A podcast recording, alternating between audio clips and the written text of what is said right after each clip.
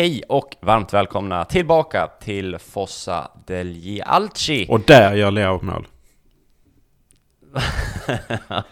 ja, det tog 6,7 sekunder innan Leao eh, dunkade dit den. Eh, senast när vi spelade, vi spelade in det här inför Lazio-matchen och det är ett... Eh, ja, jag har ju börjat kalla de här för månadsnumren eller månadsavsnitten. Det här är decemberavsnittet och vi säger varmt välkommen till det och jag säger hej till Andreas, min gode vän och eh, vapendragare. God dag. Eller god kväll, det beror på när man lyssnar. Och eh, med det korta hejet så säger vi ett litet längre hej till våran gäst. Eh, jag vill även här säga en väldigt god vän och i alla fall tidigare vapendragare. Inte så mycket vapendragare längre Robin Blomé. Uh, ja, nej, tack för välkomnandet. Nej men det stämmer väl. Så mycket vapendragare är vi väl inte numera.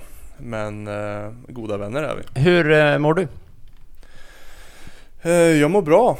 Eh, det är väl dumt att klaga i dessa tider. Eh, är, man, är man frisk och frisk och kry och alla i sin närhet är det också så får man vara mer än nöjd. Så att jag är väl lite trött men, men och lite mycket att göra på jobbet annars är, annars är det bra. Ja, jag tänkte, vad gör du nu för tiden tänkte jag fråga. För, för de som inte har koll så eh, när vi vapen drog tillsammans, det är inte ens ett ord, men eh, från Solo Calcio blev det väl primärt ett namn på, på den svenska calcio-himlen på något vis. Eh, det är väl därifrån många kanske känner igen dig. Eh, och sen har du ju haft en, en, en karriär som aktiv fotbollsspelare i, i framförallt VSK Fotboll eh, och avslutade för inte allt för länge sedan även ett sportchefsjobb i VSK Fotboll.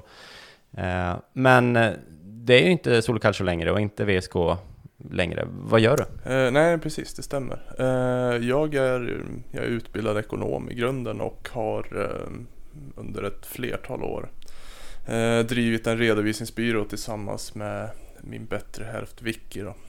Så att eh, jag har återgått till att göra det som huvudsyssla här efter senaste sessionen i VSK. Då. Så att det är det jag gör nu för tiden.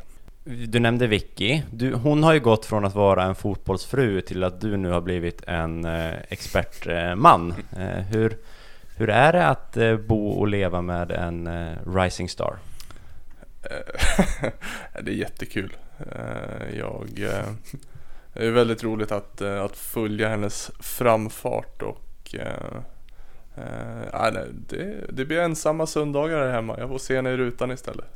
Men äh, det är väldigt kul att det går, det går så pass bra för henne och äh, sen tycker jag väl rent objektivt att det är ett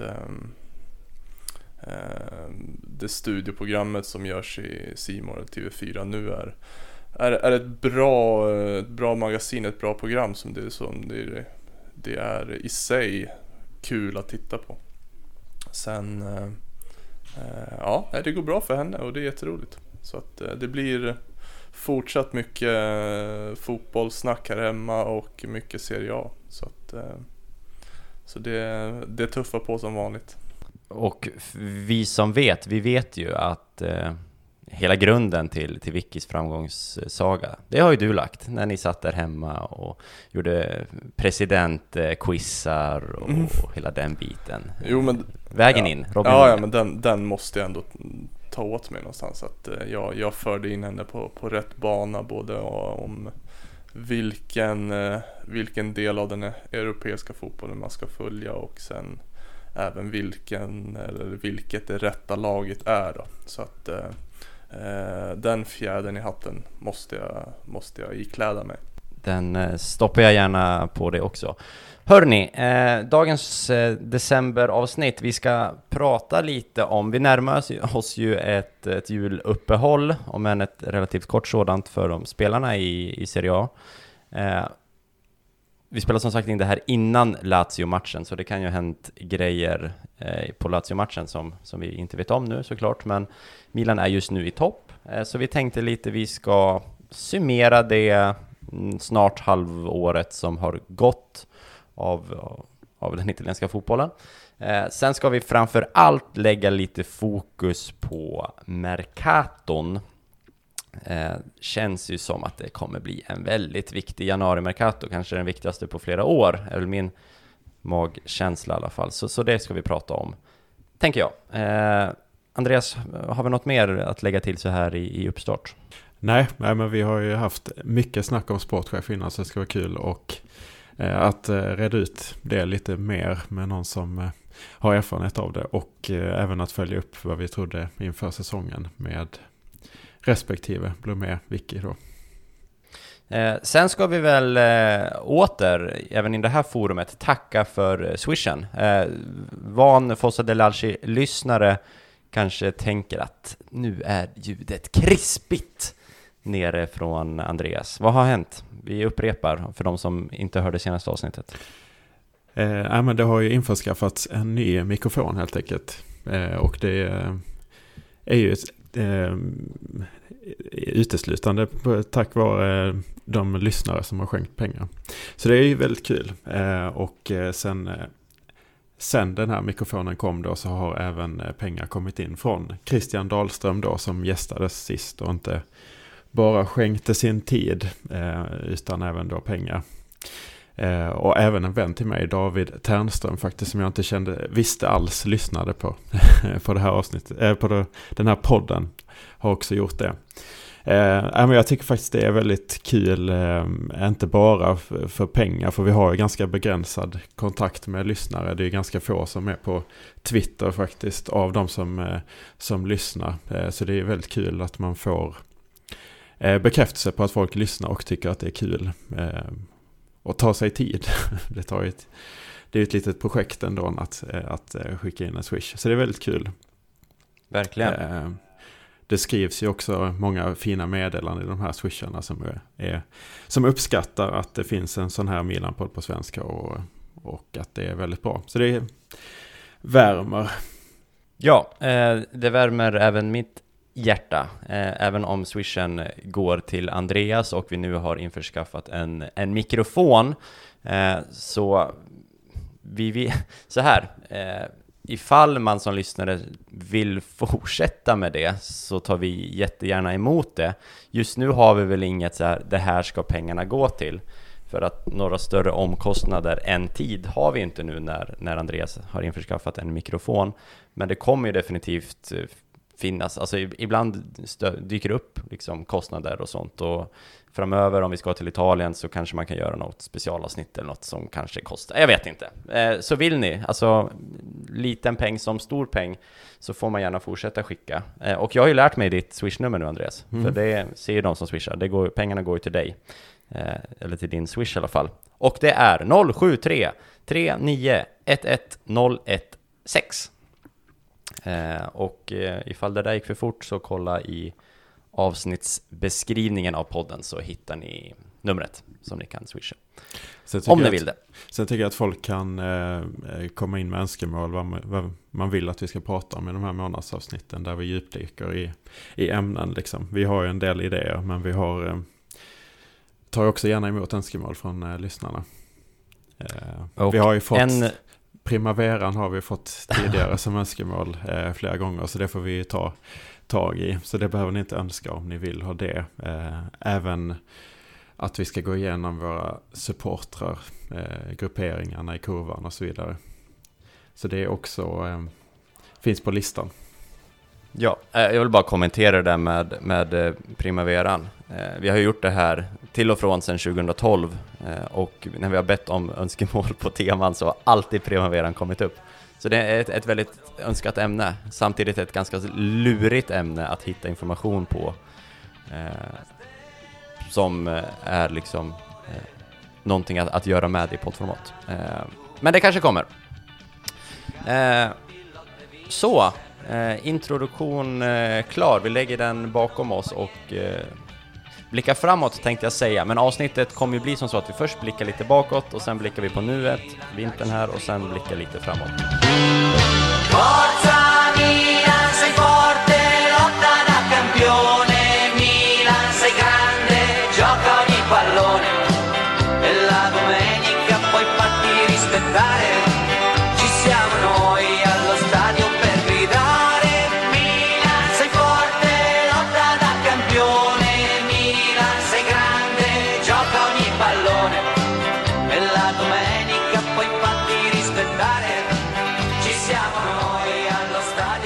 Robin, eh, nu har du fått vara tyst alldeles för länge. Milan leder Serie A. Eh, vi går snart in i en julledighet. Milan kan äta, äta julmat eh, som serieledare. Eh, trodde du det i eh, september, eller när det var nu Serie A drog igång? Ehm, nej, det trodde jag inte.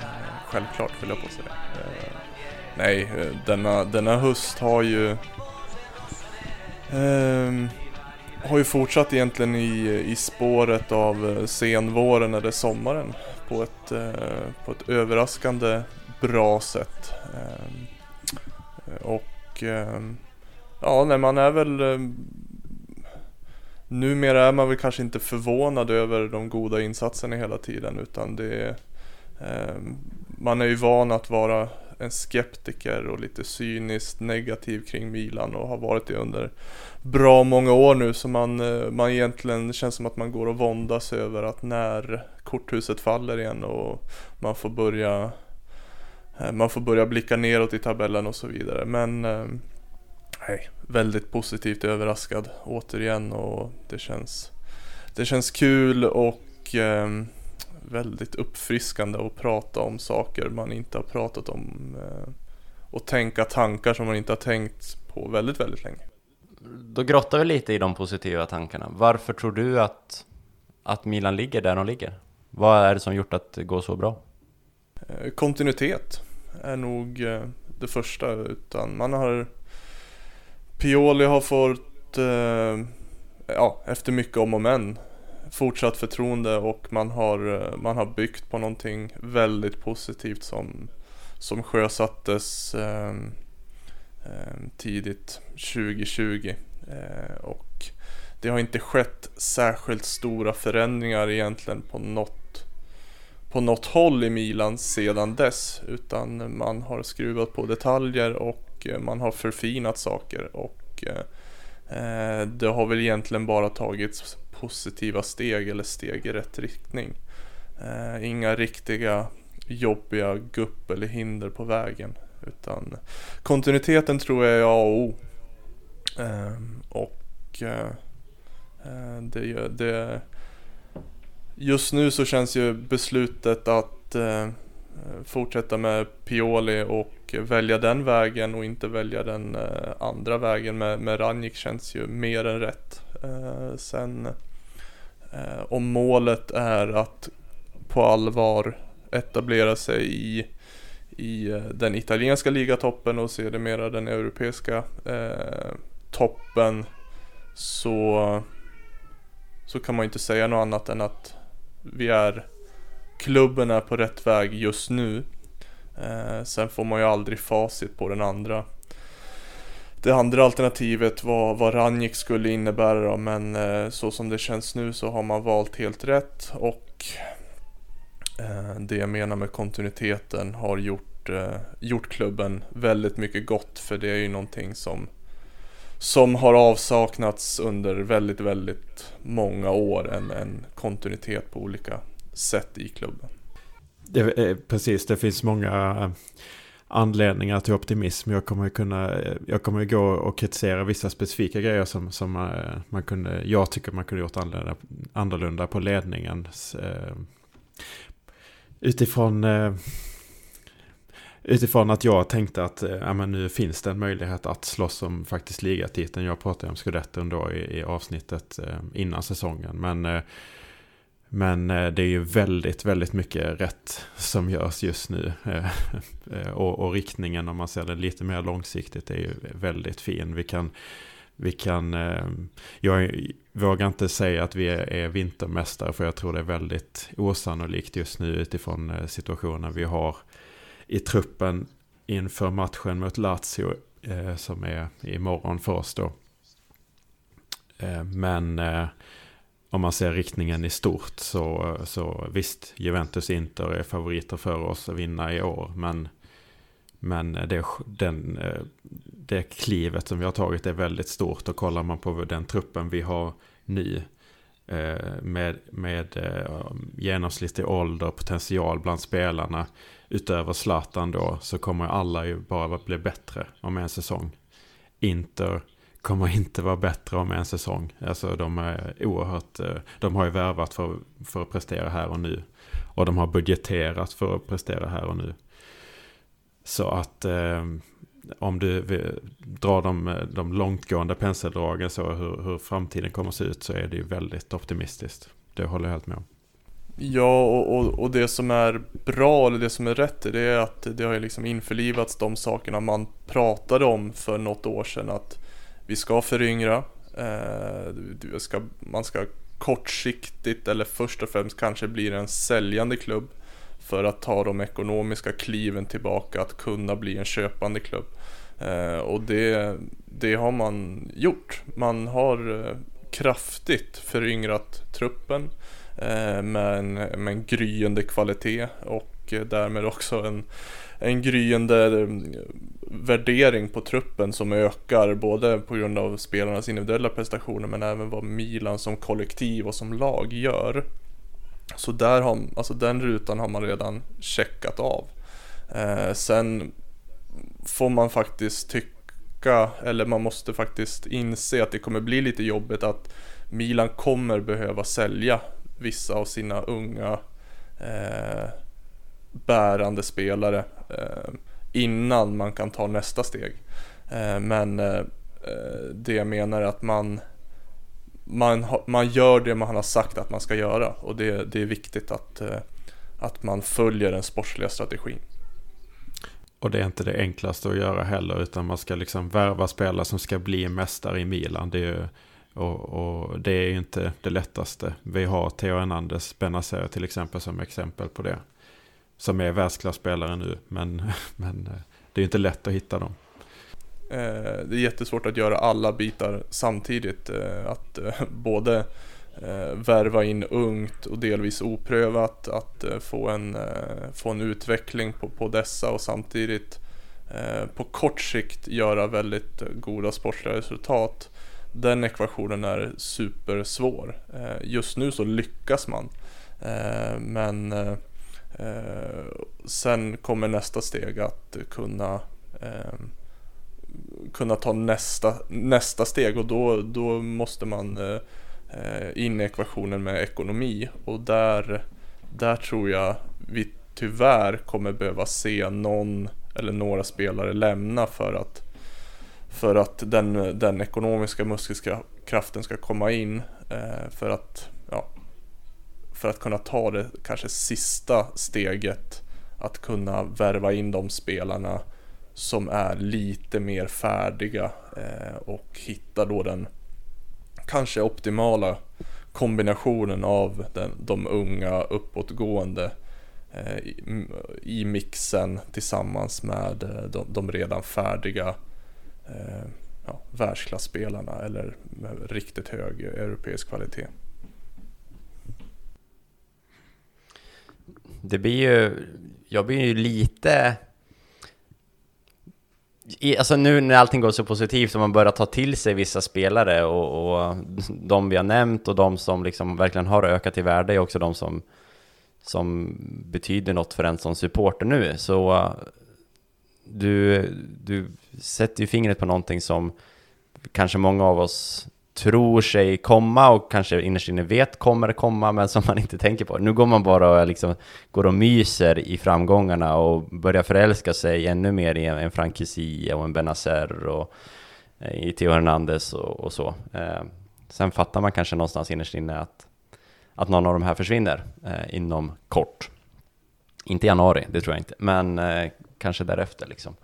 Eh, ja. Så, men Ja, ja nej men och, och det är ju en, alltså på gott och ont, det är ju en del av den sportsliga strategin som jag uppfattade eh, den att den ska vara att eh, man ska ta steg tillbaka genom att eh, ta in ungt, förädla, utveckla, sälja dyrt på så sätt kunna ta några steg eller knack uppåt i tabellen, kvalificera sig för Champions League igen och eh, återinvestera de, det kapitalet man får in från de här försäljningarna på nytt och göra samma sak om och om och om igen tills man har nått den nivån att man inte är beroende eh, man är inte beroende av de försäljningarna för att kunna ta nästa kliv uppåt. Och den, eh, den loopen måste nog gå några gånger i realiteten. Eh, och den har ännu inte ens gått ett varv. Så att man får ju liksom eh, det är nog den verkligheten. Eh, men den är jobbig att titta mot, precis som du säger nu när det, när det är spelare som man börjar ta, ta, ta, ta sig till hjärtat och eh, som är bärande spelare i ett, i ett lag som egentligen mot, mot oddsen leder Serie A. Så att, eh, Eh, men, men ska ledningen fortsätta följa den sportsliga strategin så, så är det det som kommer att ske.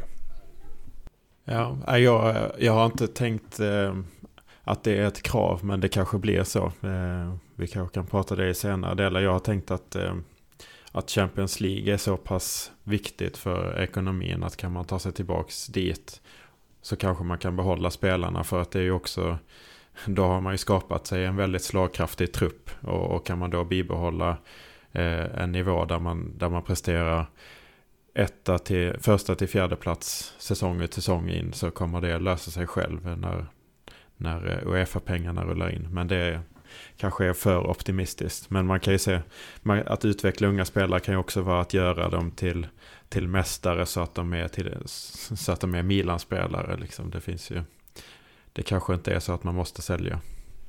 Nej, jag tror att eh, Champions League-spel kommer nog avgöra antalet spelare som måste säljas. Eh, och förhoppningsvis kanske ingen alls, men eh, troligtvis mer antalet. Eh, men eh, det är ju någonstans ett, både det blir ett väldigt kortsiktigt krav att ta sig tillbaka till Champions League eftersom det är så otroligt mycket pengar. Och eh, eh det, det, ekonomiska hacket däremellan är så pass stort så att eh, Eh, en fortsatt satsning är, är lite beroende av Champions League och eh, så som det har gått nu så blir det någon form av minimikrav. Eh. Det, det, det, svänger snabbt i den här podden. Innan var jag en, en eh, motpol lite förra avsnittet för då var allting katastrof. Eh, för då hade vi två raka oavgjorda resultat. Ehm, men ehm, Ja, nu är det annat ljud i skällan. Jag är ju inte... Allting handlar ju om, om vad man har för förväntningar på säsongen, tänker jag. Jag tänker att vi ska nå Champions League. Ska vi fortsätta, tro? Ja, det har vi. Eh, eh, men, men att man kan hoppas på Scudetton, det var det så jag tänkte in, inför säsongen. Nu, det hade ju varit så himla fint eh, rent eh, psykologiskt att fortsätta vara det. Men eh, i och med att vi har ett så himla prekärt läge eh, i, i truppen inför en sån match som mot Lazio så, så har jag svårt att se det. Ehm, jag vet inte hur du ser på det rent sportsligt, möjligheterna. Eh, nej, alltså, matchen mot Lazio kan ju bli ett, eh, ett vägskäl, tyvärr. Ehm, eh, men det är ju lite så som att det skulle vara så här många bärande spelare borta på en och samma gång. Det är ju, ehm, det är ju såklart mer än, mer än otur.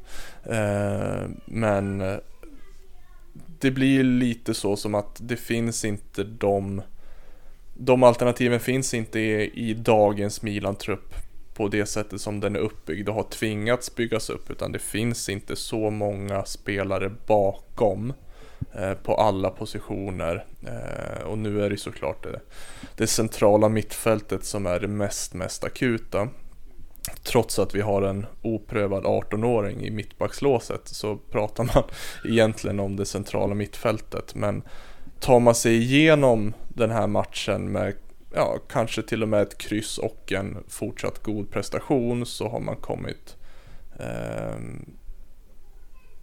mer än väl ur det.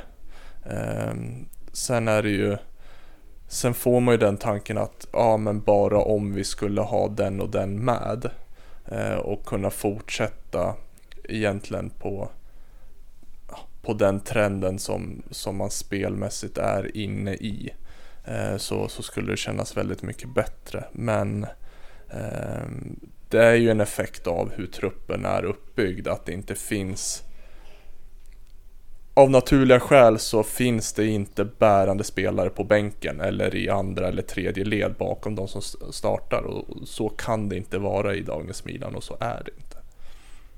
Ja, det, är, det är också den uppbyggnaden av truppen som jag stör mig lite på. Men eh, eh, en sak som jag reagerar på just med hur den, den här säsongen har utspelat sig är ju är att det har varit så himla mycket snack kring eh, kring att det här är en konstig säsong. Det här pratar inte bara i, i sammanhang om Milan utan det, det ska vara förklaringen till att det är skrällar överallt och, och sådär. Jag, jag tycker att det är jag kan bli lite eh, eh, sur på de som hävdar att vi inte är, alltså att vi är i toppen av någonting annat än våra egna eh, meriter. Utan vi, vi har spelat väldigt bra. Varför skulle vi gynnas av att det är en pandemi och, och tätt spelschema? Vi har haft Zlatan borta två gånger. Eh, varav det en gång i det här covid då som som många andra inte har haft eh, klubbar. Eh, många andra klubbar har inte haft sina nyckelspelare borta helt enkelt. Och vi har, eh, om man dessutom klarar sig ur den här situationen där vi saknar verkligen hela ryggraden och de första alternativen till varje position. Eh, både i centralt mittfält och i, i mittbackspositionen då. Ja, då är och det ju oerhört imponerande. Eh, alltså vi har ju dessutom spelat, vi har också spelat i Europa. Visserligen Europa League som man har inte spelat kanske med fullt samma fokus. Men vi har ändå sett nästan ordinarie startelva och vi har spelat tre kvalmatcher innan säsongen börjar. Vi har också spelat jättemånga matcher.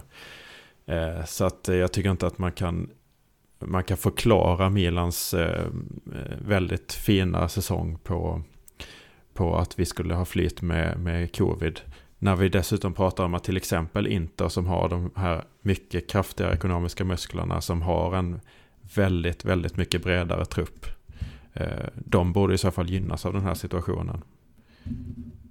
Det borde gynna stora klubbar liksom, att ha breda trupper om det är tätt, tätt matchande. Jag kan, ja, nej jag, jag känner att den kritiken är, eller vad man ska kalla det, att den, de förklaringarna är, de faller rätt platt. För eh, Milan måste man ändå komma ihåg startade eh, denna säsong väldigt tidigt i och med kvalet till Europa League. Eh, man eh, startade en, två veckor innan, innan resterande eh, toppklubbar i Serie A startade och eh, man fick därmed mindre, mindre välbehövlig vila och eh, man har spelat eh, fler matcher än, än konkurrenterna på det sättet.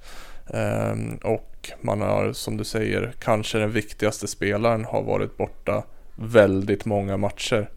Ehm, så att ehm, de de bortförklaringarna från andra faller enligt mig väldigt platt. Man har med en väldigt mycket smalare trupp eh, presterat mycket bättre än konkurrenterna och det, det ser jag som det blir liksom tvåhövdat att eh, Milan har gjort det väldigt bra och de andra har eh, har inte lyckats eh, hantera situationen på ett tillräckligt bra sätt. Du ser ju hur, hur, hur Inter har klarat av sitt Europaspel till exempel och ehm, det är, det är ju ett jätte, ett, jätte, ett stort, stort underbetyg.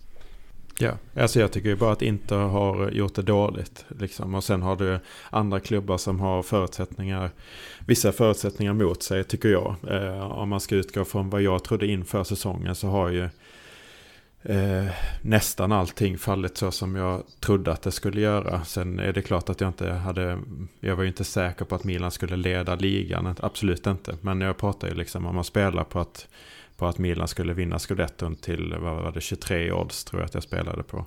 Nu står de i 5 liksom. Det är ju det är någonstans där vi är eh, i förutsättningar nu. Vi är tredje favorit i att vinna ligan efter eh, Inter och Juventus. Inter har väl egentligen alla förutsättningar som de har satsat på. På, Scudett, på eh, Conte betalar honom 12 miljoner om året när, när eh, vi betalar Pioli 2. Jag tror det är 2,5 tror jag Gasperini har som är näst bäst betalda. Eh, eller jag vet inte vad Pirlo har men det är någonstans där så det är liksom sex gånger så mycket. Och eh, deras trupp är de har värvat spelare som är 30 plus. De har satsat allting på att vinna nu. Det är ju ett så himla stort underbetyg att de är att de åker ut i, Champions League och dessutom inte leder i, i ligan.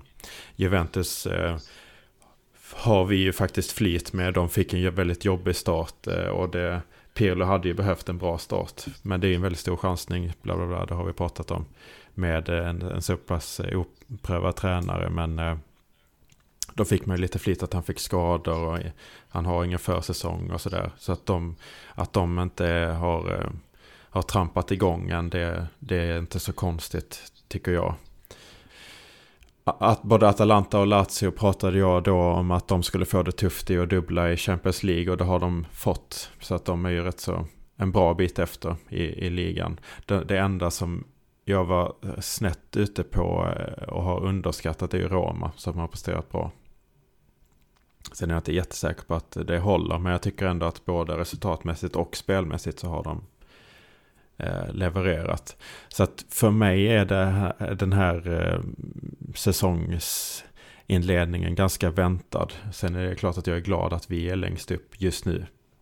Men, eh, men det är ingenting som är förvånande och det är ingenting som jag tillskriver pandemin eller eh, så, utan det, det här är de, de förutsättningar vi har rent sportsligt. Ja precis och, och, och, den följer ju även de förväntade effekterna vad det har fått på Milans trupp.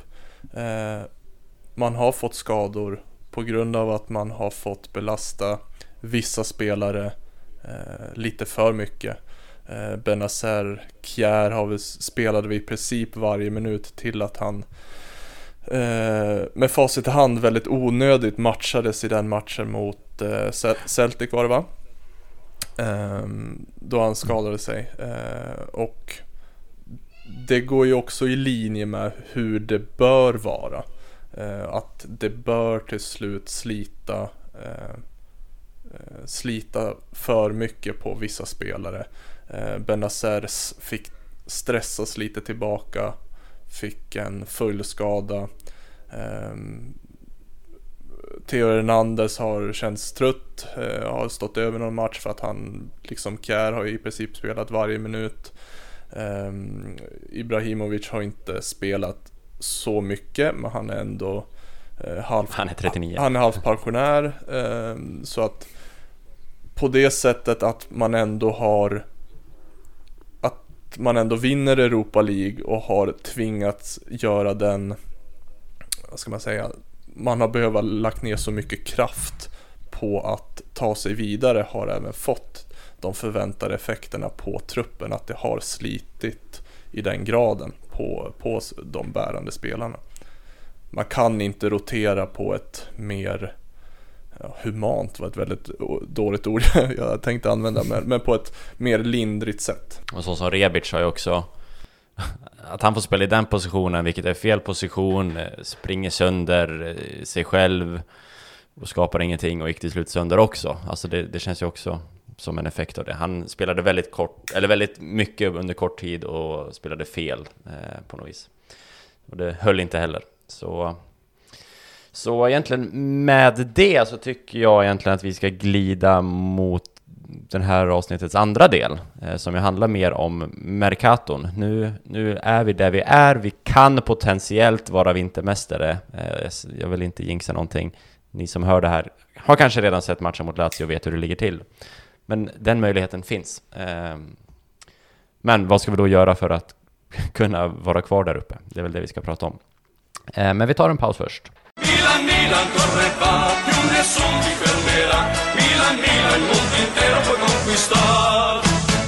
Vi ska prata om eh, Mercaton. Milan går in inom kort, är i ett transferfönster och det behöver hända grejer. Det är nog vi alla överens om. Eh, och eh, det är ju inte för inte som vi valde att bjuda med Robin i just det här avsnittet. För som vi sa i introt Robin, ehm, det var inte allt för länge sedan som du fick avsluta ett sportchefsuppdrag och här till Mercaton så blir ju sportchef sportcheferna, vilka nu som är, bestämmer i Milan. Det är de som får en, en nyckelroll. Och inga jämförelser i övrigt kanske mellan Maldini och Robin Blomé. Eh, förutom att ni båda var fantastiska mittbackar och eh, sen gick och blev sportchefer. Så, um, så det finns väl ändå några gemensamma knutpunkter tänkte vi.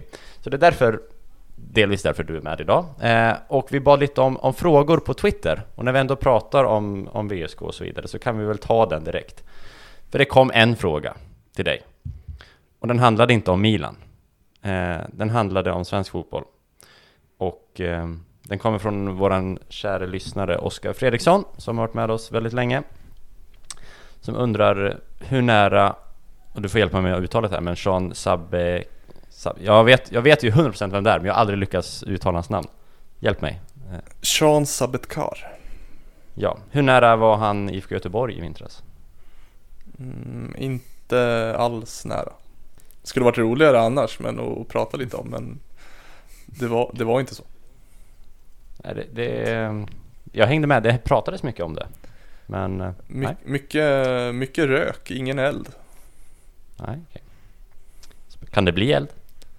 Eh, jag har släppt den insynen, eller jag har inte den insynen längre så att eh, jag, jag får passa på den frågan.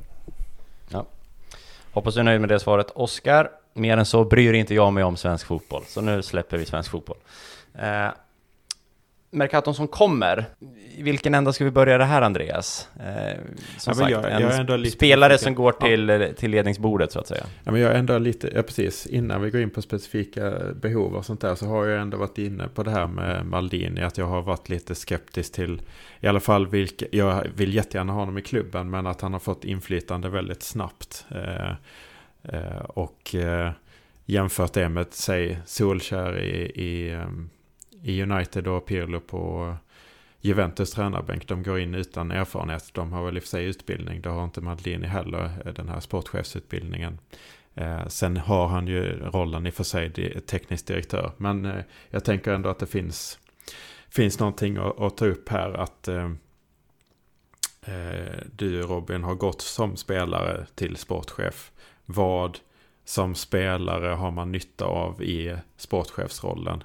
Jag har ju tagit upp att det finns så exceptionellt få exempel på lyckade exempel där, där spelare har gått eh, till att bli sportchefer. Säg Iglitari 1 till exempel. Men då tänker jag att det kanske är andra egenskaper. Han talar sex, sju språk eller vad det är. Och han eh, har, har gått en ganska lång väg eh, och samlat på sig erfarenhet och, och sådär innan han tog över. Som kanske är mer central i, i den rollen eller kanske i alla fall behövs. Eh, du som du tog upp innan är utbildad ekonom och jobbat som revisor och sånt där kanske också är, eh, spelar in i en sån roll.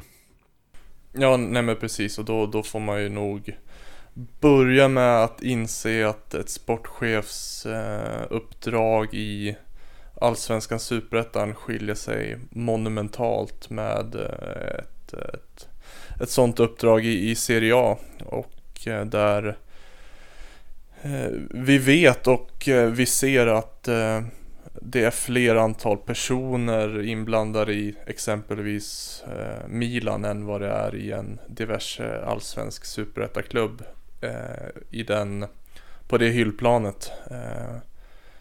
Maldini har Massara bredvid sig, han har en chefscout och det är en jäkla massa personer som jobbar i och runt, eh, runt omkring honom. Eh, han behöver inte sitta och fundera på de ekonomiska och eh, juridiska detaljerna. Där har han expertisen mm, ett, eh, ett samtal bort eller två meter bort. Ehm, eh, själv så stod man ju själv där ensam och eh, skulle ratta allting. Eh, man skulle både ha Eh, Eh, eller man hade ju huvudansvaret för den sportsliga verksamheten. Den sportliga strategin skulle eh, efterföljas i hela verksamheten. Det var både akademi och ungdomsfotboll. Eh, sen ska du ha Sen har du det totala egentligen personalansvaret för den, för den sportsliga verksamheten med, med spelare, ledare, stab, medicinska. Allt ska fungera och det ska fungera på så bra sätt att man får och når de sportresultaten man vill ha. Eh, Maldini är inte och grottar i allt det. Han har nog, precis som man tror, eh, eh huvudansvaret ytterst eh, är längst upp, överblickar, delegerar, eh, lägger sin eh, lägger sin hand på saker han behöver, eller han, som han tycker han behöver lägga sin hand på. Eh, sen har han många som gör väldigt mycket eh, eh, som inte märks. Men som nog har väldigt stor betydelse både för Milan och för, för Maldini själv för att det ska fungera. Eh, sen är det ju, och det har jag ju lärt mig att man ska ju passa sig lite att uttala, nu, nu sitter vi här och pratar om Milan och då uttalar vi oss, men man ska ju passa sig att uttala sig lite om hur och vad och varför folk gör som de gör när man inte har någon insyn om det. Och jag vet inte hur ansvarsfördelningen är exakt inom Milan och det, det vet nog bara de på, på, på rätt sida eh, rätt sida Milanello höll jag på att säga. Eh, och eh, så därför vågar jag inte säga vad han gör rätt och fel och vad han skulle göra mer eller mindre. Eh, men eh, skillnaden är att han, han gör, han har, han sitter längst upp och övervakar och låter de med expertisen under honom göra sin grej. Medan jag själv fick göra allt eh, utifrån den bästa förmågan jag kunde ha i, inom respektive underområde, eller hur man ska uttrycka det. Ja, det, det är ju intressant. Självklart, och det har vi också tagit upp eh, tidigare också, att det går inte för att veta vem som gör vad. Eh, utan det blir väldigt spekulativt. Men det är också intressant att spekulera. Det är ju det vi, vi kan göra eh, som supportrar. Jag eh, har inte tänkt på det så som att han är den som har det övergripande ansvaret på det sättet och, och delegera. Är det någonting som man som spelare vad, vad är det som, som Maldini har som gör honom lämpad till att vara just den som har det övergripande och, och pillar på lite annat, tänker jag då. Och sen så är det också så här att jag tänker att det nästan hade varit bättre i så fall att ha en teknisk direktör med stor erfarenhet, typ Marotta. Eh, ovanför som, som kollar på det här och Maldini kanske mer på sporten som är det som han har, har jobbat med så att säga. Jag tycker också att man ska riktigt men det är väldigt personligt min, erfaren, eh, min åsikt att eh, man inte ska tillskriva Alltså vem är det han har att prata med? Han hade Boban som sen lämnade och han eh, Eh, eh, har då Massara som har väldigt, väldigt ringa erfarenhet som sportchef. Eh, det, det, man, man, han är en sportchef men han har inte jobbat som det tidigare. Han, han har varit scout i Roma och sådär. Så att eh, det finns inte, i min bild är det inte att det finns jättemånga att luta sig mot. Nej, jag tror att han... Nej, jag tror inte han lutar sig åt på det sättet. Jag tror att han både tycker och i slutändan bestämmer själv ytterst hur saker och ting ska fungera kring den sportsliga verksamheten. Eh, I vissa frågor tror jag han lutar sig väldigt mycket åt Gazidis. Eh, som hjälper nog honom med mycket av det som Marotta gör eh, i, i, Inter. Eh, och där vet man ju inte riktigt vad, vad gör, hur, hur snäv är Maldinis eh, eh, arbetsuppgifter? Eh, hur snäva är de?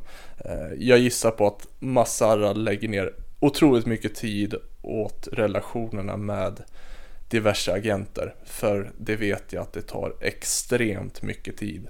Och på deras nivå eh, kan du nog höja upp det i 10.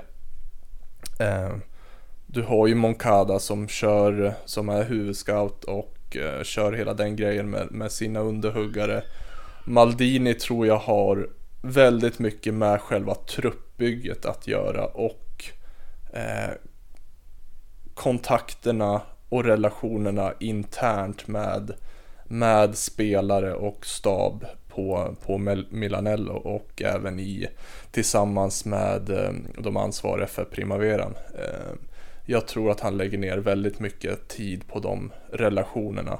Sen har man ju förstått att Maldini kliver in rätt tidigt i eh, kontakterna med eventuella nyförvärv och förklarar på hur han ser och hur Milan ser på den spelaren. Eh, det har man ju kunnat läst i ehm, eh, en, en rätt, rätt ny intervju med Moncada hur, hur Maldini ja, på ett legitimt sätt förklarar hur han själv och Milan ser på den spelaren och det har man ju då förstått eh, gett en rejäl tyngd i, i, eh, i eh, ja, att den spelaren ska välja just Milan då. Så jag tror att Massara gör väldigt mycket. Väldigt mycket grovjobb. Maldini försöker nog vara lite limmet och klistret kring det mesta eh, och ha, ha ett, eh, ett övergripande ansvar. Ehm, sen tror jag underhuggarna gör väldigt mycket. Och kanske måste göra väldigt mycket för att Maldini inte har den eh, ja, administrativa erfarenheten och den utbildningen som, som, eh, som ändå krävs och ställs på en sportchef på den nivån. Det vet jag själv att man lär sig otroligt mycket under tiden, allt vad det gäller olika eh, reglementen och, och, och regler. Ehm, den de, de lär man sig över tid och det är ingenting som man får automatiskt bara för att det står sportchef eller teknisk direktör efter, efter skylten i, i, på kontoret utan eh, där, där, behöver, där behöver han stöd och får troligtvis det stödet han behöver. Mm. Um, och där, där tänker jag att det hade varit ännu, känns mer tryggt om han hade gått en säsong till, två säsonger till bredvid någon som har erfarenhet av de här yrkena. I och med att Masara själv inte ens hade det. Uh, nej, jag instämmer. Uh, sen, sen blir det någonstans svårt just nu för mig i alla fall att kritisera honom uh, utifrån de effekterna eh, och den, mm. de resultaten som ändå görs. Mm. Ehm, sen på förhand med de, med de insatserna från början, absolut. Det, det kan man peka på. Uh, sen är, jag ju, sen är jag ju själv världens vurmare av Maldini så att jag, jag, jag älskar ju allt han gör så att uh, det, det, det tåls ju att, att säga också. Ja men det är ju det är ingen kritik mot Maldini. Det är ju kritik mot de som anställer Maldini i så fall. Att man inte har, eh, har eh, gett honom möjlighet att utvecklas bredvid någon som har erfarenhet av rollen mer.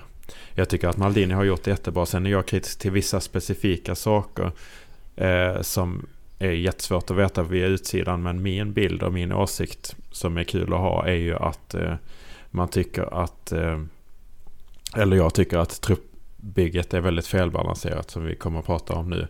Man har gjort vissa grejer som är, eller det är jättemånga saker som är så himla bra gjort. Att man får in en eh, får in väldigt bra spelare. Där är ju Maldini jättebra i, i att få in en tro på projektet och, och, och flera spelare är väldigt välscoutade och det ser jättebra ut spelmässigt. Men sen så är det vissa grejer som jag tycker är grundläggande för ett truppbygge som är fel Eh, som det är fel på helt enkelt. Och det är det som eh, min kritik ligger eh, till ledningen nu. Eh, absolut. Eh, sen vet man inte riktigt hur var tanken från början när Maldini och Boban kompade. Eh, vad var tanken då? Eh, och hur eh, det, det ställdes ju på ända på väldigt kort tid där och eh, jag tror att eh, Gazidis var väldigt, väldigt mån om att ha Maldini kvar och då, då fick nog Maldini välja lite själv. exakt hur skulle det bli? Eh, men eh, att han hade att han hade erfarenheten för det eh, eller kvaliteterna för det på förhand. Nej, så som jag själv när jag klev in i det så att men ja. Du hade behövt en Masara under dig Robin. Absolut, det och, och det finns i den rollen finns det otroligt mycket att lära och det är en, det är en speciell värld. Eh, det kan jag intyga om. Ehm, så att, eh, minst sagt. Men, ja, men, eh, för det är också en grej som jag har tagit upp att är det inte lättare att gå från spelare till tränare än tränare, alltså spelare till sportchef? Jag tänker ändå att likheterna borde vara fler. Det, man är ju mycket närmare det fotbollsmässiga och det taktiska. Absolut, nej det är ju, jag själv var ju väldigt ehm, eh, väldigt mån om att aldrig lägga mig i taktik eller, eller laguttagningar och sånt. Eh, utan jag, jag anställer en tränare och sätter spelare på planen och sen ska de göra sin grej. Eh, sen ska inte jag inverka på vilken spelare som tränaren väljer att sätta på planen utan det får jag då göra i min utvärdering av tränaren. Att ja, han har gjort ett gott jobb eller ett dåligt jobb och då, då får han vara kvar eller han tas bort. Eh, då ska inte man i efterhand komma och säga att men det är sportchefen som har sagt att den eller den spelaren ska spela. Ehm, och precis som du säger att då gå från spelare till assisterande hjälptränare, målvaktstränare eller huvudansvarig tränare mycket enklare för du, du, du står kvar på den sidan, sidlinjen. Eh, eller på den sidan, eh, ja, du går inte upp på läktaren utan du står fortfarande nere vid, nere vid planen. Utan, så det är, du tappar ju aldrig den kontakten utan du, du fortsätter i det rent fotbollstekniska och taktiska. Eh, och då kan du, ja, det är egentligen bara att ta vid fast på ett annat sätt. Mm.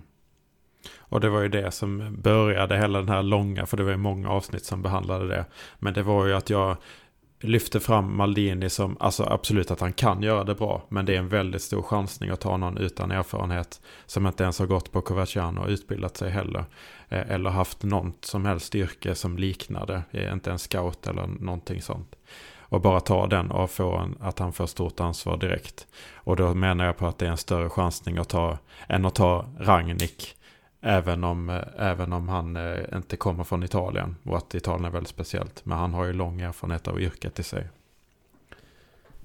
Absolut, det är ju Eh. st- större chansning, absolut. Eh, sen får man nog värdera lite vad, vad ville Milan ha och vad behövde man? Eh, var det återigen den legitimiteten att eh, ja, den legitimiteten som, som Maldini ändå skänker till projektet.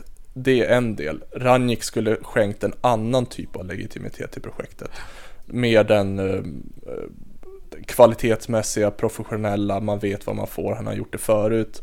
Maldini mer med den här eh, bultande rödsvarta hjärtat och, eh, och allt vad som tillkommer med det.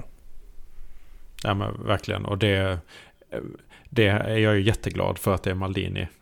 alltså, och, men jag hade tänkt att man hade kunnat ta någon annan också under en upplärningsperiod och, och sådär. Men det är bra, jag tycker att jag har fått legitimitet för mina åsikter då. Det är det den här podden går ut på. Milan, Milan, corre va, più nessun ti fermerà. Milan, Milan, il mondo intero puoi conquistar. På nästan så här gammaldags klassiskt Fosso degli Alci slash Passione per i Passionati som den gode Solo Calcio-podden hette, så ska vi prata liksom rykten. Eh, vi hade väl till och med en Solo Calcio Mercato-podd eh, när jag tänker högt här. Skitsamma, vi ska prata rykten eh, och egentligen truppbygge eller truppförstärkning. Och Robin, om vi börjar med dig. Var, på vilka positioner behöver Milan förstärka truppen så här i nuläget, tycker du? Och varför är den positionen central anfallare? För att använda ett vanligt skämt nu för tiden. Eh, precis. Eh, jag vet inte om jag kommer göra er besvikna med antalet eh, positioner jag eh, tycker ska förstärka. Men jag tycker egentligen möjligtvis bara en position. Och det är centrala anfallare. Eh, jag tycker att man först och främst måste bestämma sig vad är det för spelare som ska komma in och varför.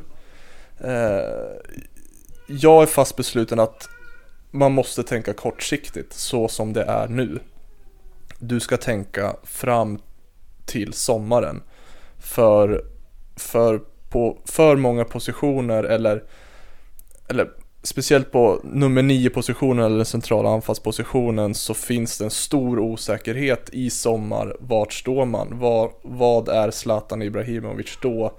Vad vill man att han ska vara säsongen 2021-2022? Ska han ens vara en del av Milan?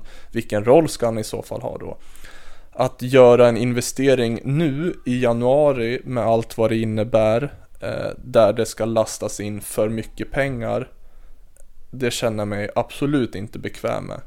Eh, så jag tycker att man ska hitta ett kortsiktigt Eh, billigare alternativ. Jag tycker inte man ska investera mycket pengar i en anfallare som ska vara den anfallare som Milan ska bygga sitt anfallsspel kring de kommande 3-4 åren. Utan man ska hitta någon som är väldigt lik Zlatan i profil eh, och det ska kunna räcka att ha den spelaren här fram till och med sommaren.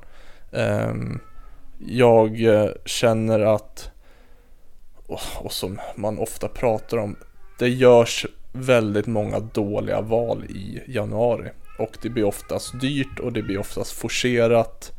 Ehm, och det är oftast i det läget man är nu. Det är någonting av ambitionen som har gått åt antingen det ena hållet eller det andra.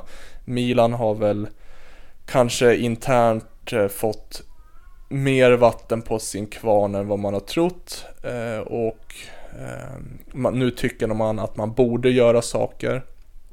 Eh, men att då gå in och göra en för stor investering i vissa positioner är enligt mig fel och jag tror även ekonomiskt svårt utifrån hur Milans ekonomi är. Eh, så jag ser en en rutinerad, eh, man vet vad man får anfallare som är väldigt lik eh, Ibrahimovic på nummer 9. Eh, utifrån de matcherna som jag har sett och självständigt nu analyserat hur, hur Milan spelar utan Zlatan. Eh, om vi nu tar den senaste matchen här mot Sassuolo så ser man hur hur bra det kan se ut när Milan ligger lågt och man får användning av en Leao som har sin, sina styrkor i farten och har mycket, många löpmeter framför sig. Eh, å andra sidan när man möter spelare, eller när man möter lag där man parkerar på offensiv planhalva och där mm, typ Genoa där matcherna vinns i boxen. Eh, då är en Destro livsfarlig. Men en Rebic och en Leao som flyter ut mot kanterna och som inte riktigt är, är så pass konkreta som Ibrahimovic är, de funkar inte. Utan då måste du ha den här klassiska nummer 9, du håller dig i boxen, ger dig fan inte ut i, i, i, något, i något ytterläge. Eh, och spelar du de matcherna, det, Milan kommer antagligen inte under våren vara som mot Sassuolo att man har 32% i bollinnehav och kan kontra. Inte i det, i det tabelläget och hur de andra lagen har och scoutar Milan och vet hur man ska kont eller hur man ska ta sig an dem. Eh, så därför måste man någonstans ha en, en, eh, en sämre kopia av Zlatan att kunna sätta in för att på något sätt även få en kontinuitet i hur man, hur man spelar och eh, spelsättet ska vara. Mm. Ja men det, det, är exakt det här jag har pratat om också. Det är det jag vill ha. Och jag tog upp just Destro förra avsnittet men då fick jag ju skit för David. Men eh, Destro är ju inte det bästa. Ja men det fick jag ju. Ja jo, absolut. Du sa men, jag vill hellre ha Leao all, i all tid än, än Destro, sa du. Alltså om, om, man ska välja mellan de två, absolut. Ja, men grejen är att eh, det kommer ju, och det är därför jag också är orolig för Lazio, för Lazio kommer inte vilja äga boll tror jag mot oss. Liksom så. Eh, jag var rätt så trygg med, i matchen mot Sassuolo, men just på grund av det här att då kan vi utnyttja Leos styrkor. Men det måste vara en spelare som, som eh, kan göra mål och, och finns i boxen. Eh, speciellt mot... Och, och, nu har kostnaden som jag har räknat upp till det är fyra poäng nu mot Parma och Genoa som vi hade vunnit om vi bara hade haft en nia som är rätt så medioker. För man måste också kunna göra mål. Det ska inte krävas att vi ska spela så himla bra hela tiden som mot Sassuolo. Eh, också utan man ska kunna göra mål ändå det finns ganska många grejer annars som du sa som jag kan hänga upp mig på. Men jag vet inte om du vill, eh, vill ta namnen som ryktas först. Ja, jag tänkte vi ska eh, koppla det här till namn. Eh, och jag har på något vis listat de offensiva namn som, som det har skrivits om mest här senaste tiden. Och som vi vet, Mercaton kan gå snabbt, det kan komma ett namn i eftermiddag som vi missar här. Men det som det har pratats om är ju Giroud, eh, som passar ganska bra in på, på din beskrivning av spelartyp Robin. Priset är väl frågetecknet kanske. Eh, man har en, en Skamacka, eh, eller Skamacha, eh, Skamacka, Skamacka. Eh, i, Genoa, som ju faktiskt ägs av Sassuolo, vilket kan försvåra lite. Inte så rutinerad heller, men har ju presterat. Eh, Arek Milik, Napoli, dunderbänkad, petad, allt vad det heter. Eh, det pratas mycket om Luka Jovic i, i Real Madrid. Eh, det sätter jag också ett frågetecken för.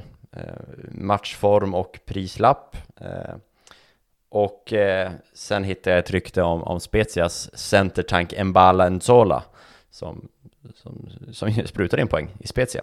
Eh, vet inte hur konkret det är, men jag hittade lite rykten från Gazettan tror jag då. Så det är väl framförallt dem. Och sen Papo Gomez, men han är ju ingen nia. Eh, men han pratas det väldigt mycket om, men det kanske vi kan nämna kort sen. Men eh, utifrån de namnen Robin, eventuellt något annat som du har snappat upp, vad, vad vill du ha av det?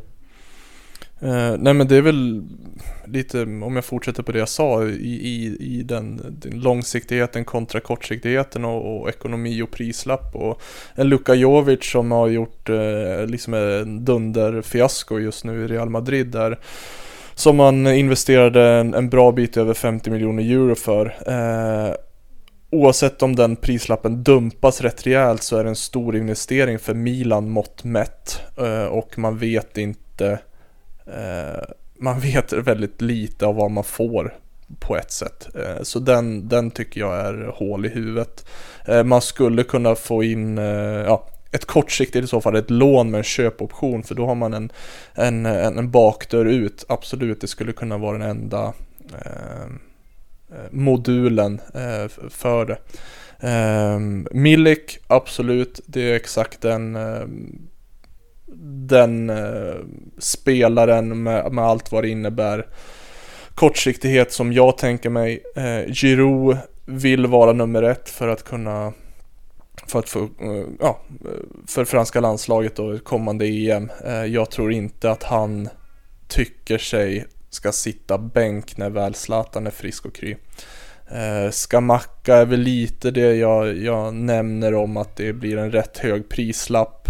Eh, kan bli återigen en Piontek grej att han har en, en prislapp över 20 miljoner euro. Eh, kan bli hur bra som helst men kan floppa och om två år spela i Spezia.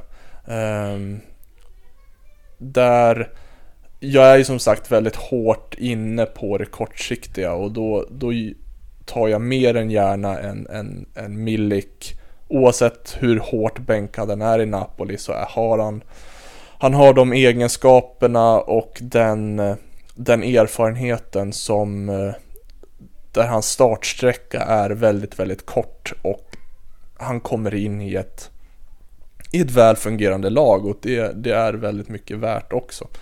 Um, där, um, så där av de namnen som, som nämns är jag, uh, tycker jag Milik låter bäst. Ja, äh, jag ville prata. Nej men jag tänkte, ett namn som inte har nämnts, men som jag gärna vill ska nämnas, är Llorente som också sitter i Napoli.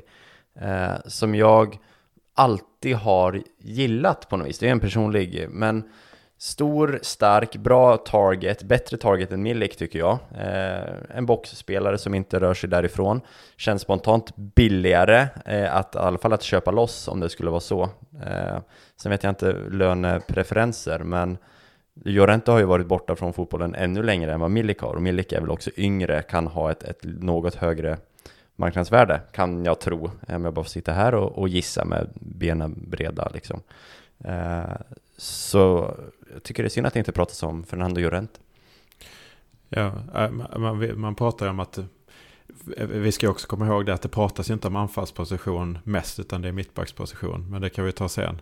Men då har man ju sagt att det är om det dyker upp en möjlighet, då kommer man plocka in en anfallare. Det är i alla fall så spekulationerna går i media och det tycker jag är, är märkligt.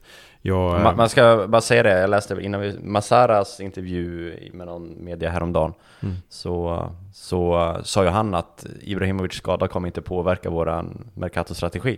nej. Eh, Men, utan eh, ut, ifall chansen dyker upp. Sen vet vi inte om strategin redan är att plocka en anfallare. Men, Man får ju hoppas det. Eh, och, och det är lite det. Jag har precis samma resonemang som Robin. Jag tänkte också jämföra med Piontek där med Genoa. Så, men eh, det- som, som jag kan eh, säga som är ett argument mot att ta in en kortsiktig lösning är väl att det här är ett, det här är ett problem som vi har haft länge. I alla fall är det min bild som jag har tjatat om i över ett år. Att vi behöver ett anfallsalternativ. Det kommer inte upphöra till sommaren.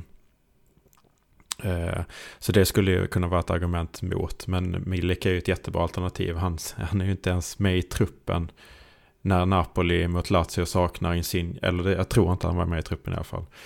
Eh, när, Lazio sak, eller när Napoli saknar Insigne, Mertens och eh, Osimhen. Och Llorente är på bänken, kommer inte in. Eh, trots att man är i underläge. Så att de är ju väldigt långt in i frisboxen. Så där borde man ju kunna eh, hitta en möjlighet då. Napoli borde vara intresserade av att släppa dem. Sen kanske de inte vill släppa dem till en, till en kandidat om, eh, om Champions League. För det kommer verkligen förstärka oss. Eh, men det är väl argumentet mot att man skulle kunna tänka sig en skamacka utifrån att det inte är ett behov som kommer att försvinna. Ja, men det, det är väl lite också, vad har man eh, Eh, man får ofta lite felaktiga beslutsunderlag i januari. I, i, på sommaren så har man en, en hel säsong att ta ställning till. Speciellt för de här eh, lite nyare spelarna som precis har kommit upp. Precis som Skamacka och, och eh, det skulle man även ha haft med, med en Piontek. Att det är vissa som flyger 10-15 matcher värvas i januari och sen blir det mer än ofta fel eller det blir, man får inte den effekten av Eh, eller man, man får inte den, här, ja, eh, den förväntade effekten av, av värvningen eller man får inte valuta för de pengarna. Eh, och det behöver inte betyda att man inte värvar till exempel en Skamacka i sommar men då har man 30 matcher, en hel säsong att ta ställning till. Man har ett beslutsunderlag som ser helt annorlunda ut. Det är mycket lättare att ta lätt, rätt beslut då. Det behöver inte betyda att man tar ett annat beslut, men man, det är lättare att ta rätt beslut. Eh, och eh, precis som du säger, den, den ekonomiska den ekonomiska biten blir oftast forcerad i januari. Man får betala lite mer eh, och eh, eh det, det, det är riskabelt och eh, alla klubbar mår som de mår just nu och därför tror jag de jag tror man dras för man drar sig för sig lite i, mer just nu att, att göra större investeringar. Eh, vem vet hur fotbollsvärlden och klubbarna mår om, om sex månader. Har det gått åt det bättre eller åt det sämre? Eh, den, den faktorn spelar nog roll rätt mycket. Men det finns ju också en anledning till att det är dyrare och vad, vad det kan vad alternativet är, alternativkostnaden om man jämför. För jag är ju väldigt inne på att det kommer avgöra mycket om vi får in en central anfallare.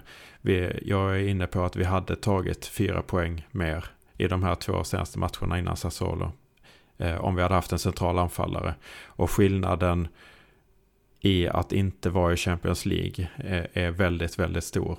Så att då, det är det man får väga det mot. Jag tror att en, en, en bra alternativ till Zlatan är nästan, eh, det är ingen garanti för Champions League, men det är så pass, det gör så pass stor skillnad. Och, och det är ju precis, det är ju en av Det är väl den största fad, fadäsen i Maldini och de övrigas lagbygge inför säsongen att inte ha ett ett renodlat kvalitetsmässigt alternativ när inte Ibrahimovic spelar. Utan där tog man egentligen Colombo som gisslan.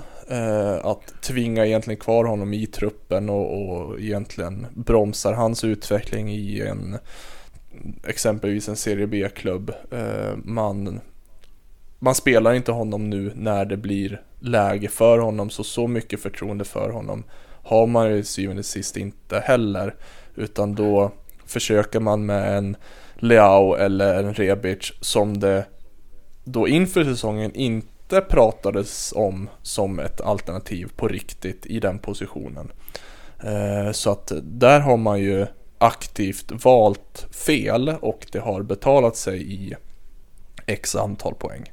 Eh, man, eh, man har krånglat sig ur vissa matcher eh, men man har bestraffats för i vissa matcher. Men rent, rent framgent och, och resten av denna säsong så, så, så vidhåller jag min tes om, om ett kortsiktigt alternativ för att kunna ta ett, ett riktigt bra beslut. Och, och, det, och det menar jag på att Milik Milik gentemot en större investering, säg Jovic eller någon annan, behöver kortsiktigt inte betyda sämre kvalitet denna vår, utan det, det rent sportsliga kortsiktiga utfallet kan minst bli lika bra, utan det är eh, det är mer det långsiktiga som man då får ta under sommaren att, att vi behöver in en, en nia nu för att eh, öka oddsen för minst Champions League-spel. Det, det finns ingen tvekan kring det utan det, det måste bara in. Jag menar Milik kan ju flyga också. Alltså han har ju stor potential och han är inte jättegammal heller. Så att, eh, och det är svårt att säga att han kommer tappa i värde om, jämfört med när vi värvar honom från, om vi skulle göra det, från Napolis frysbox. Även om han inte skulle lyckas i Milan så är det ju inte, hans värde kommer inte devalveras på en halv säsong. Det har ju väldigt svårt att se. Han är nog rätt mån om att eh, ta, ta en plats i, i, i Polens eh, EM-trupp som han nu glider allt längre bort ifrån för varje, för varje omgång som spelas. Så att eh, han är nog... Eh, att det finns revanschlust hos den spelaren, det är nog eh, en, en underdrift. Landar vi då i att eh, Milik kanske är det bästa alternativet? Av de som nämns? Ja, jag tror nog det också. Sen är det ju, han har ju ett fantastiskt förnamn också, som du inte sa heller. Ariadakus. Jag kunde inte ens uttala VSKs mittback, så hur ska jag kunna uttala Miliks? Eh, ja. Eh, eh, I all korthet, Robin Blomé, Papo Gomes, ja eller nej? Um, ja. Andreas, Papo Gomes, ja eller nej? Får jag bara säga ja eller nej? Jag säger nej. Du får börja med att säga ja eller nej. Nej men eh, det är en absolut favoritspelare, har varit sedan ja fyra, eller nej? Fem år. Fyra, fem år, men jag säger nej. Okej. Okay. För det är, inte den spelare, det är inte den positionen vi behöver. Okej. Okay. Robin, du får i all korthet också utveckla om du vill.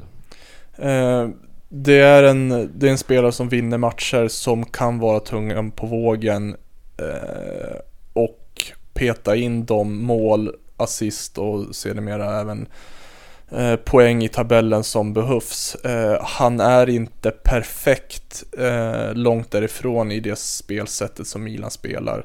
Eh, det är dock i den positionen där Milan inte har någon just nu perfekt spelare i, i vänster ytterpositionen. Det är att inte tycker att Rebic är sig lik.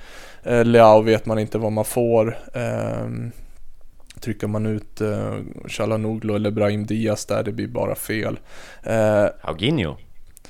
Hauge blir jag inte riktigt klok på. Eh, men eh, det är ju då vad blir balansen och det kollektiva effekten utav det där, där du har en det nya pendeltåget eh, Theo Hernandez bakom som är eh, ja, toppforward i vissa sekvenser av matchen. Eh, det ställer mig väldigt frågande kring. Men jag befarar ändå att Milan kommer tvingas att parkera på offensiv planhalva i fler antal matcher under våren än vad man har gjort under hösten.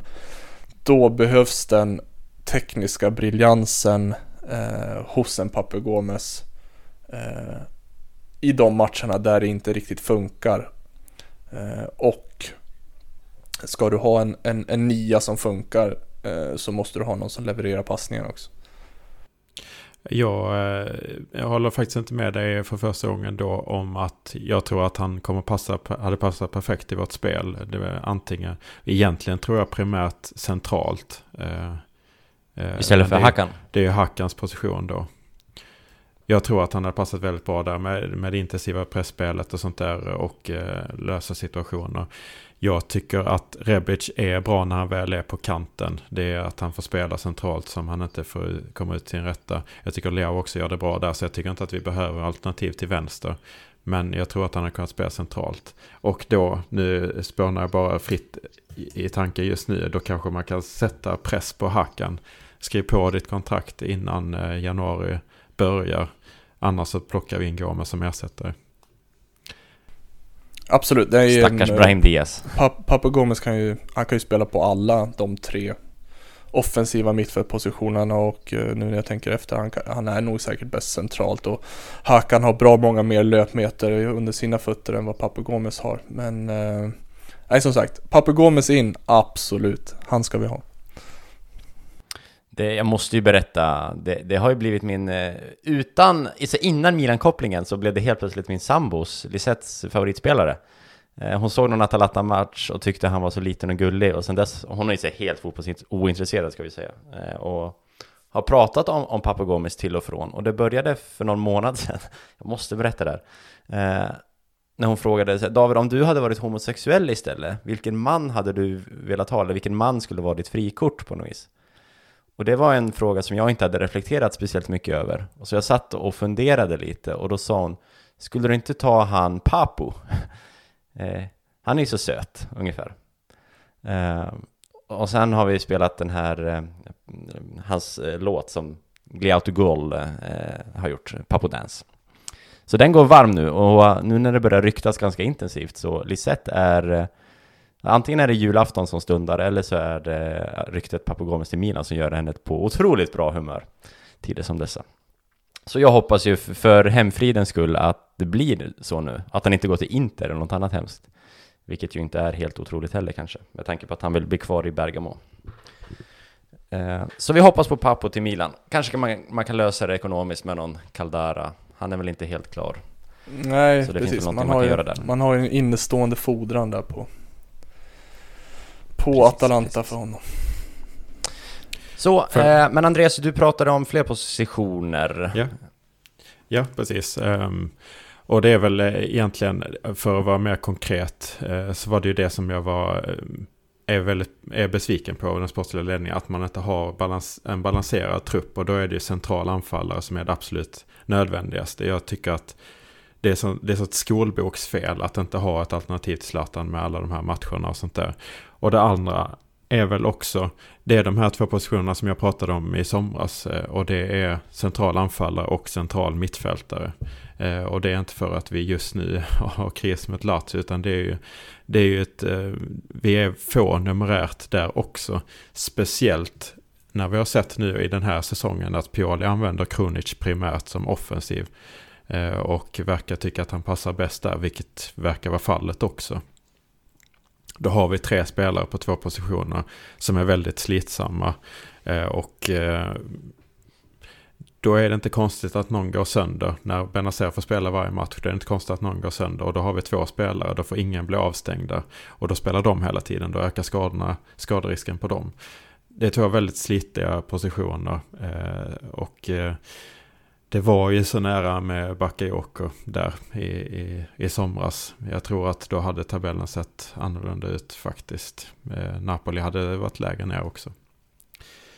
Eh, så det är väl egentligen de, jag har inga konkreta namn så, men det är, det är de eh, där jag tycker det saknas. Vi, när vi pratade om, om eh, Mercaton eh, inför säsongen då, eh, när jag pratade om att jag var fel på Roma, men i övrigt rätt så mycket rätt ute, så pratar jag kanske om eh, Castillejo då, att han skulle vi ha tålamod för jag tror att han, han kan lyckas. Där hade jag också fel eh, än så länge. Eh, han har ju inte slått igenom. Sen kan man argumentera för att eh, att eh, Sellemakers har fått det genomslaget istället.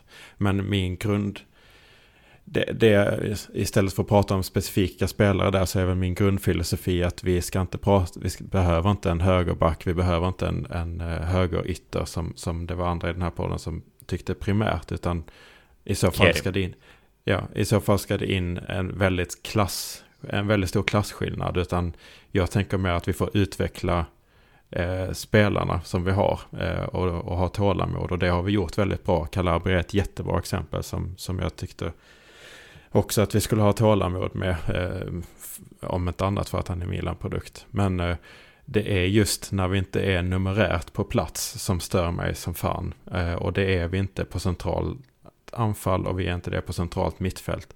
När vi dessutom är det ju så att vi spelar med två centrala mittfältare. Nästan alla spelar ju med tre.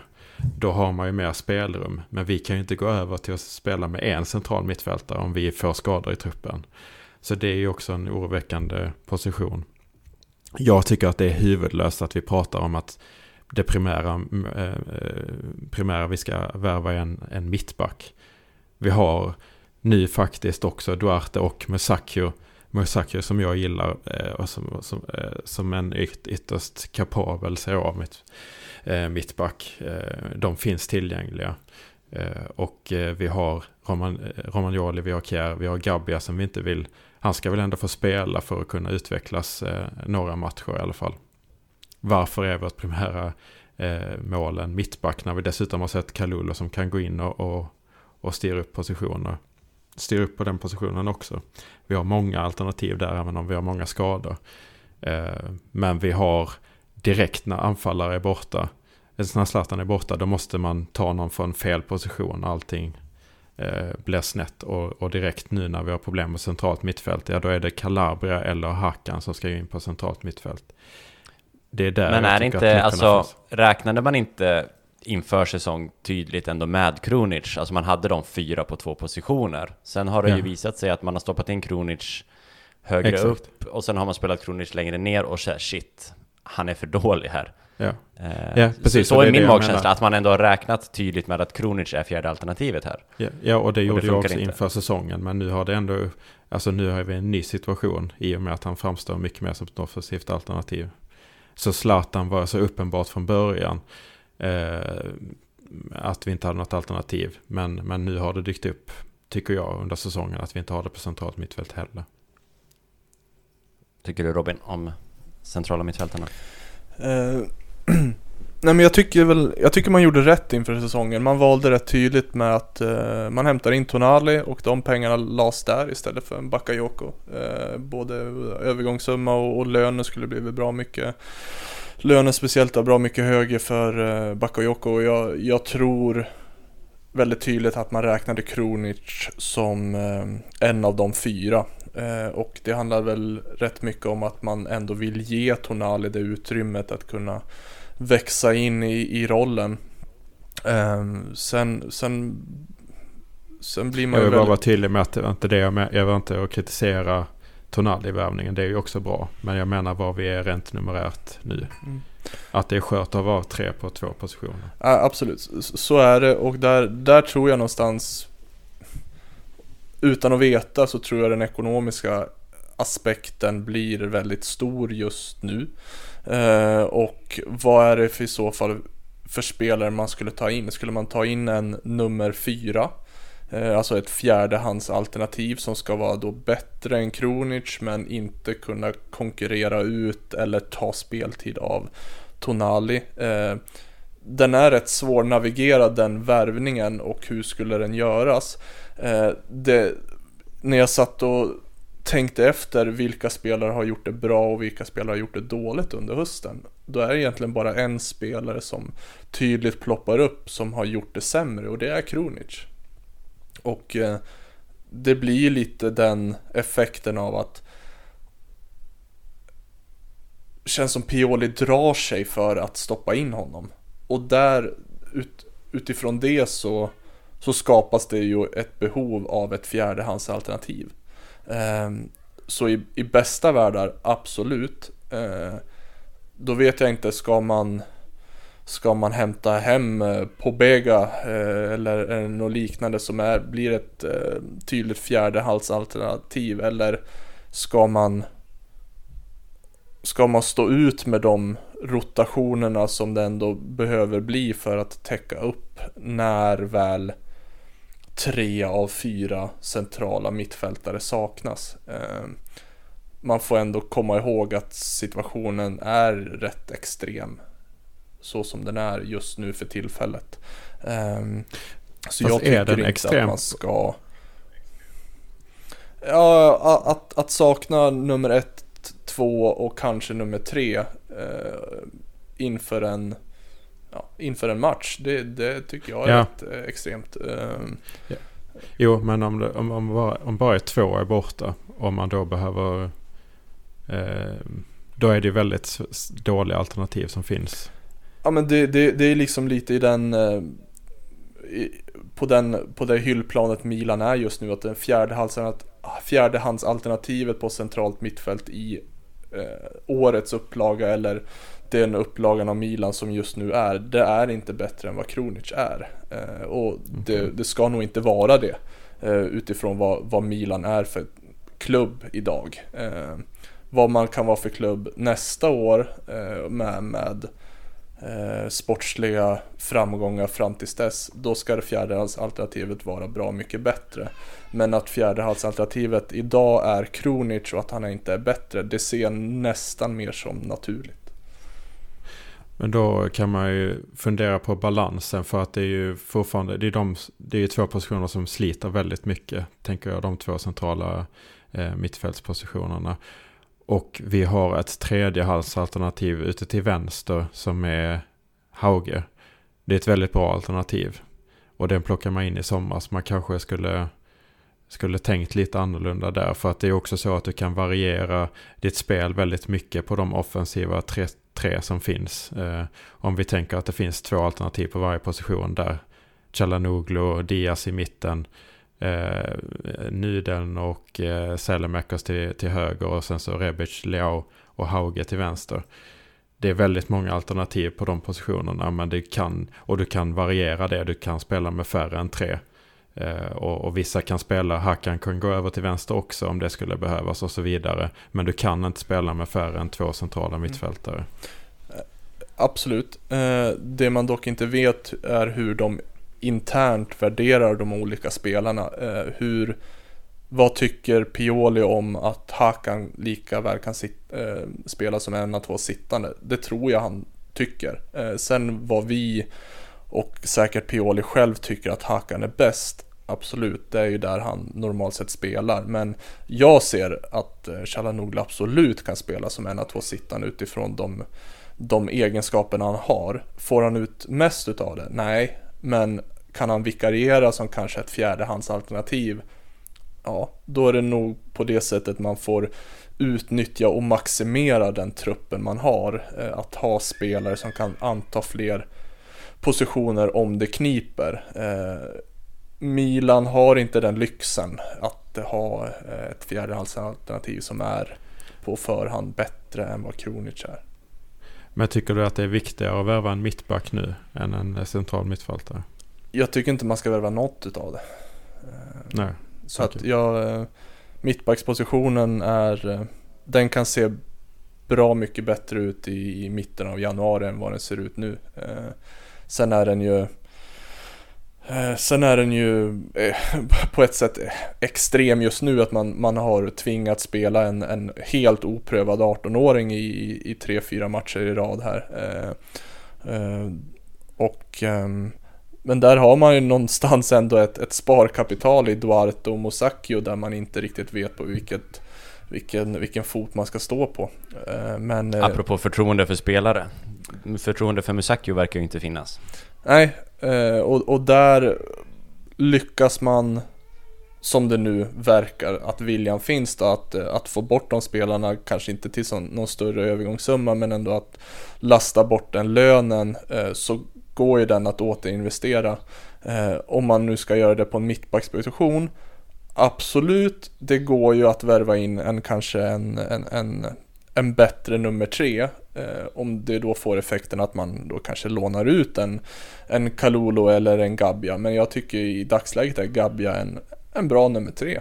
Eh, han, han har visat att han håller och han, man, vet, eh, man vet vad man får. Eh, så jag, eh, Eh, jag, jag, jag ser inte att man ska värva jag tycker inte att man ska värva varken en central mittfältare eller en, en mittback. Eh, man, får, man får se lite hur det ser ut i januari om det inte krisar fortfarande då. Då måste man kanske agera. Och anledningen till att vi resonerar lite olika här tänker jag att vi, vi, man har olika bild av, av eh, vilka målsättningar man ska ha. Eh, utifrån hur det har sett ut tidigare säsonger så är det här ett väldigt stort kliv framåt. Men om man tänker som jag tänkte att ja, men vi har chans på att ta ligan nu. Juventus ser svagare ut. Eh, det är en väldigt snabb eh, höjning i kvalitet. Men, men jag säger att det fanns väldigt stora möjligheter att slå eh, eh sikta väldigt högt i tabellen utifrån att Juventus ser pass svaga ut på förhand den här säsongen. Eh, Det är ju därför jag tänkte att Emma kan ju värva Bakayoko också. Att ha eh, och en, en anfallare med Bakayoko och en anfallare så tror jag att vi hade liksom absolut kunnat vara med om scudetton. Eh, och hade i princip säkrat en Champions League-plats. Så bra tycker jag att det såg ut. Eh, på det så vill jag eh, lyfta citat från, eh, från president Scaroni. Som eh, pratade för, ganska nyligen om att man inte har budgeterat för att vinna scudetten i år. Att man inte ens har budgeterat för att nå Champions League. Ehm, vi hade förra, förra eh, novemberavsnittet då så pratade vi väldigt mycket om ekonomi. Eh, och då var ju Christian väldigt kritisk på, på goda grunder då. Ehm, men eh, att, att vi blöder ekonomiskt. Men jag tänker att det han menar med att vi inte har satsat på, på ekonomin är hur man liksom ja, men rent tänk, tänker kring truppen att det är yng, yngre spelare som kommer att utvecklas så att vi kommer nå Champions League i, i framtiden då. Eh, och då, eh, det gör ju att jag tänker eh, eh, att man skulle kunna växla upp. Eh, eh I och med att situationen ser annorlunda ut nu. Och om man då inte har tänkt att vi ska nå Champions League i år. Men har så pass bra läge kan det då vara ett läge att eh, smälla till lite. Ja, eh, sen är det ju som sagt väldigt svårt att veta vad, vad de ekonomiska hur stora ekonomiska musklerna är eller åt andra sidan hur stora de ekonomiska restriktionerna är. Eh, det känns som att man fram tills nu och kanske framöver måste trolla och maximera den redan befintliga truppen. Eh, får man, gör man några större ekonomiska utsvävningar nu är det nog precis som du nämner bara på grund av att de de sportsliga ambitionerna och målen har förändrats. Hur man då ska investera det. Eh, jag tycker inte att man ska investera det i, januari ändå i en mittback eller i en central mittfältare. Eh, av egentligen de anledningar som jag har nämnt tidigare. Eh, ska det in en mittback så är det någon som ska egentligen konkurrera, konkurrera ut Romagnoli eller Kjär. Eh, annars så är det nummer tre, nummer fyra och de finns redan i, i truppen. Eh, centralt mittfält, är det någon som ska konkurrera ut de som gör många spelminuter, ja då blir det dyrt. Och eh, den tesen eh, den tesen gäller egentligen alla andra positioner, så det är egentligen bredd. Eh, det man önskar är ju att Kronor skulle vara Christian Brock istället.